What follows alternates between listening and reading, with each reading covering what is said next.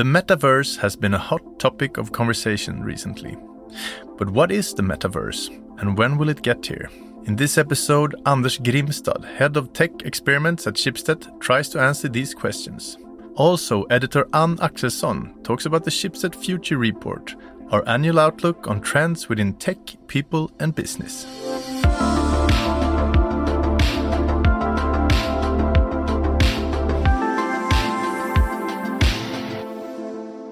Nothing says future like the metaverse. But what exactly is it? Anders Grimstad. The metaverse is a concept, and it's a concept that's still being developed. It can mean a lot of different things depending on who you ask and how strict their definitions sort of are. But at its core, the metaverse is kind of the same thing as another buzzword that you've heard that's Web3 or spatial web and it's an evolution of our current internet.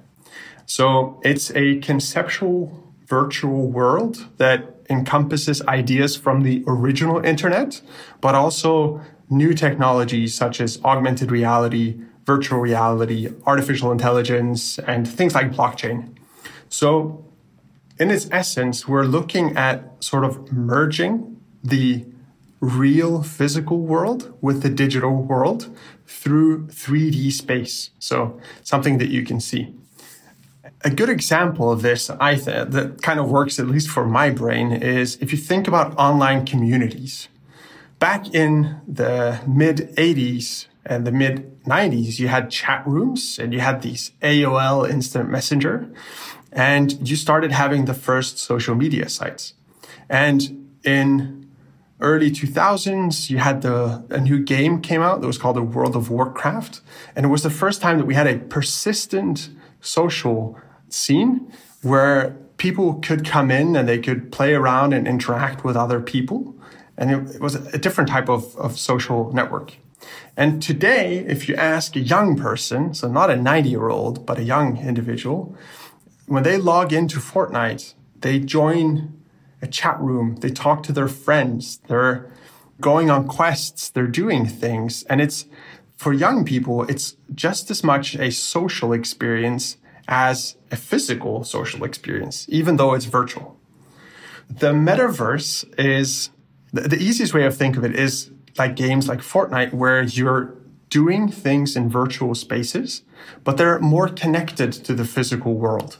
So whether you're kind of doing it through augmented or virtual reality or you're doing it on a screen, it doesn't really matter. But the concept of the metaverse is the interlinking of the real physical world with digital and virtual worlds and the linking of the wealth that you have in those virtual worlds, the social life that you have, the productivity, the shopping that you do with stuff that happens in the real world.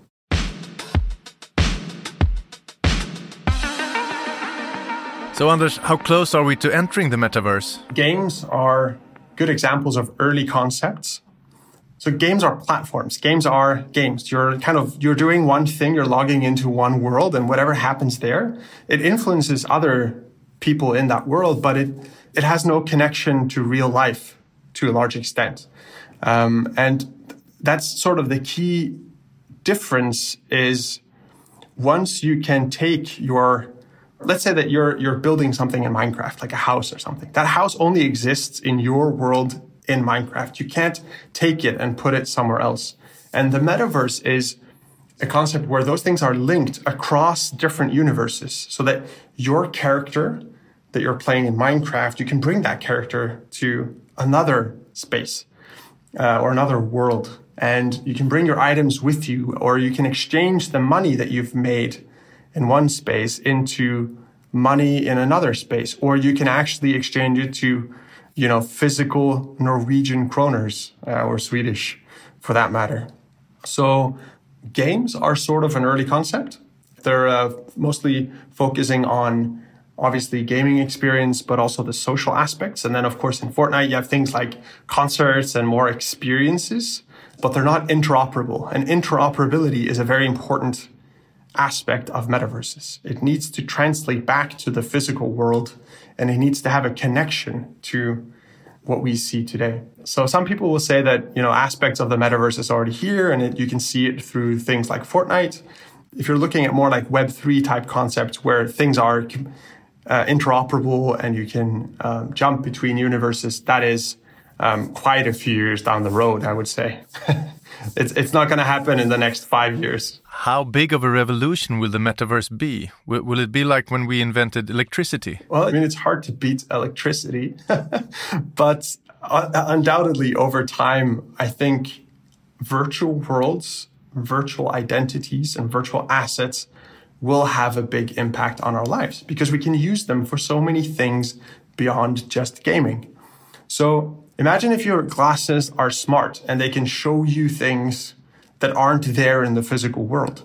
And imagine that those glasses know where you are in the physical world. So you can create experiences that you can't today. For instance, that you can go to, an, to a location in Oslo city, have your glasses on, and you can see how that used to look 100 years ago, just as you're standing there. But it's only visible if you're standing at that physical location because the virtual space is tied to the physical world, to the uh, geography in that physical world. Or I really like the, these uh, augmented reality glasses. And I think screens are such a, an old school thing. Right now we have physical screens, but imagine if you have smart glasses that can show you anything, you can essentially put screens anywhere you like, whenever you like. So I can, right now I have an office in my house, which actually doesn't make any sense. It's only an office because I need to have a screen there and I need to sit there. But in theory, every room in my house could be an office. I could put the biggest screen ever on the wall. It's not there. It's only there virtually. If I take off my glasses, it disappears. If I put it on, it becomes my office space. We haven't thought about how many cool things we can do with this sort of thing. You can turn any space into whatever you like and you can have things that isn't physically possible and show it through through virtual worlds that are overlaid on top of our existing ones. So I think it will be big. I think it will be very, very interesting.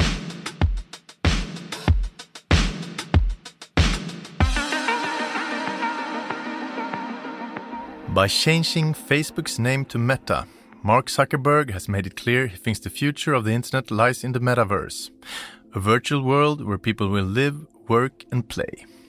It's a futuristic idea, but the term's origin actually comes from the past. 30 years ago, in fact. Author Neal Stephenson coined the term metaverse in his 1992 science fiction novel Snow Crash, which envisions a virtual reality based successor to the internet. In the novel, people use digital avatars of themselves to explore the online world, often as a way of escaping a dystopian reality. Nearly three decades later, that's essentially the future that Zuckerberg says he's trying to build with Meta, minus the dystopia. Companies like Microsoft, Roblox, and Epic Games are also planning their own metaverses.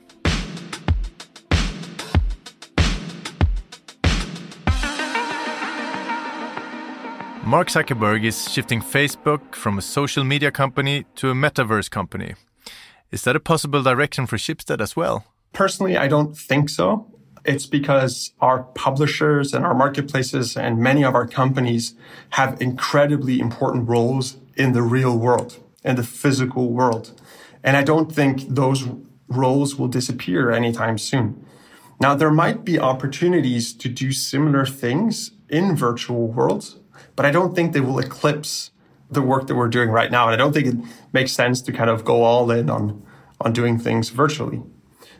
If you put metaverse in a Schibsted perspective, what will it mean for our sub brands? So I think for media, um, it's fairly simple almost. Um, as more of our lives happen in these virtual spaces, like Roblox or Fortnite, the larger the need becomes for people to cover what happens in those worlds, right? So there's a tremendous value in entertainment probably there, there will be a need for us to have journalists that are in Fortnite observing and looking at how concerts are going or what people are talking about. And right now we only have Fortnite, but you might have other worlds where you discuss other types of topics or where you travel and you do all these kind of things. And I think for us, if we really want to reflect what our users spend time on, especially the younger ones, we actually need to be in those spaces and, and have a stake. So have virtual journalists in a way. For our marketplaces like Finn uh, or Blocket, the question is more complicated because there are so many different angles. So on the one hand, you have emerging concepts around virtual marketplaces. So you create a virtual world where you can see goods that you can actually buy in the physical world. So it's a virtual store for buying physical goods.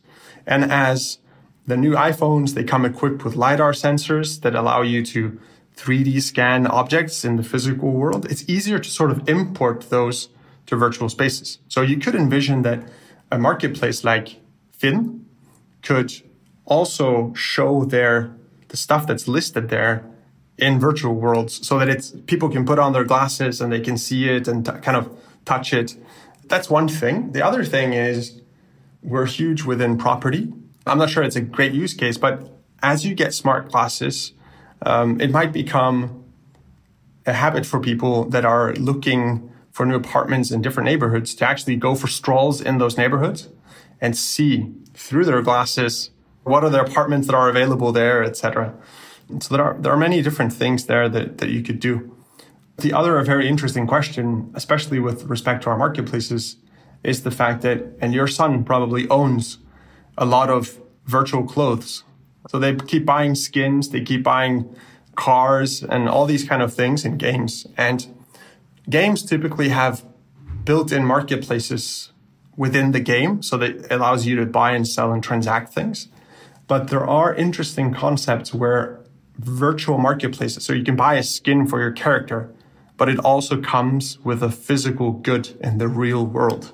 So I know that some of the very high end luxury brands, like I think it's Gucci, they're experimenting with the fact that if you buy a, a designer sneaker, you get a virtual copy of that for your character in Fortnite or vice versa. And those are kind of concepts that are a little bit tricky to understand because what happens then if you sell your physical sneaker on Finn? What happens to the virtual clone of that one? It's interesting. So a lot of stuff to look into. And for you, Anders, what's next? So I'm building up a team in data and tech, um, a dedicated experimentation team who will focus on emerging interfaces. And within that, um, also, of course, the metaverse. So it's a team of four to five people. Uh, so we have two designers on board already. We're looking to get two developers who are going to look into applications of augmented and virtual reality and try to better understand what the metaverse might become and what it might turn into. And the idea behind this team is for data and tech and for us to be able to do this research to help the different brands and the different uh, business units that we have um, ideate and prepare for these um, changes. So feel free for those who are interested in metaverse stuff or new inter- consumer interfaces like voice and augmented and virtual reality. Feel free to reach out. I'd be happy to to get in touch and and once the team is fully in place, we can throw ball and uh, and run some workshops for sure.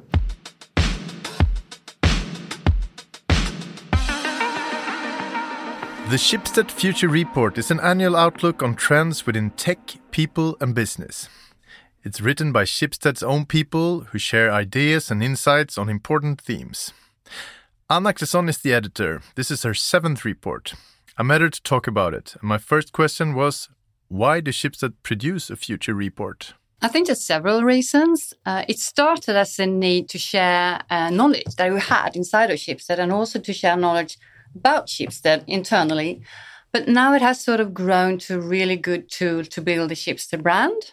And also, I think it makes sense that a company like Schibsted, with its media legacy, sort of shares and want to discuss ideas and thoughts to have on trend. Tell me about the editorial process. How do you decide what goes into the report? I speak to a lot of people and teams across all of Schibsted and try to find out what they're working with, what they really are interested in because it's also important to get stories that are interesting for our different businesses, departments, and teams. So I try to do that across all the Schibsted. And then, of course, I do my own research. Uh, when you could, I, I, went to conferences uh, and then read stuff and try to sort of be uh, apprehensive about what's uh, what people are talking about. And then I have some key writers, people within ships that I know are really good of identifying uh, nice stories and are able to build on them and to create really good storytelling. And I think that is perhaps one of the most important parts in the report to do really good storytelling and present it in a nice way. Earlier, the focus was on the many sub brands. Now it feels like Schibsted is building a brand of its own. It's been a lot more explicit, and that's a strategic question, right? That we will build Schibsted as a brand of its own. And though the report has also uh, always been sort of an ambassador for that, it's been more clearer now and it has more clearer purpose to also get people to get curious and understand what Schibsted is. Can you summarize this year's report in a couple of sentences? I could describe it perhaps. And then I would say that we have made a deep dive in good storytelling within an interesting subject like how dominant the tech uh, giants are, for instance, and also how new trends had changed the game for investors and founders. And another long, really interesting story is how you can actually address climate issue when top leaders get the very right insight.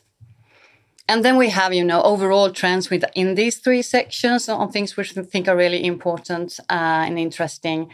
And not least, we have the Schibsted stories, where you can get to know three of our companies, and also the short interview when you meet some of our people. So it's a mixture between trends and some stories about us. Let's say I only have 20 minutes. What are the must reads? God. um, I think you should read the metaverse story since everyone talking about that one. And it's a sweet and short story. You can sort of dive into that. We have some spreads with short trends. So that's a good thing. But then I would probably tell you to go home, bring the report with you, and, and, spend some more time on it. So, after you have read the report, what kind of feeling would you like the, the reader to have? I would be super happy if you felt that you got some new insights on new phenomena that you didn't have before. And if you were outside Schibsted, it would also be nice if you got curious about us. And also for internally, perhaps, perhaps a sense of pride. This episode revolved around the Schibsted Future Report. I urge you to get your own copy because it's worth reading. Reports are lying around in all the receptions and the meeting areas in all the Schibsted offices or you can read it online at futurereport.schibsted.com.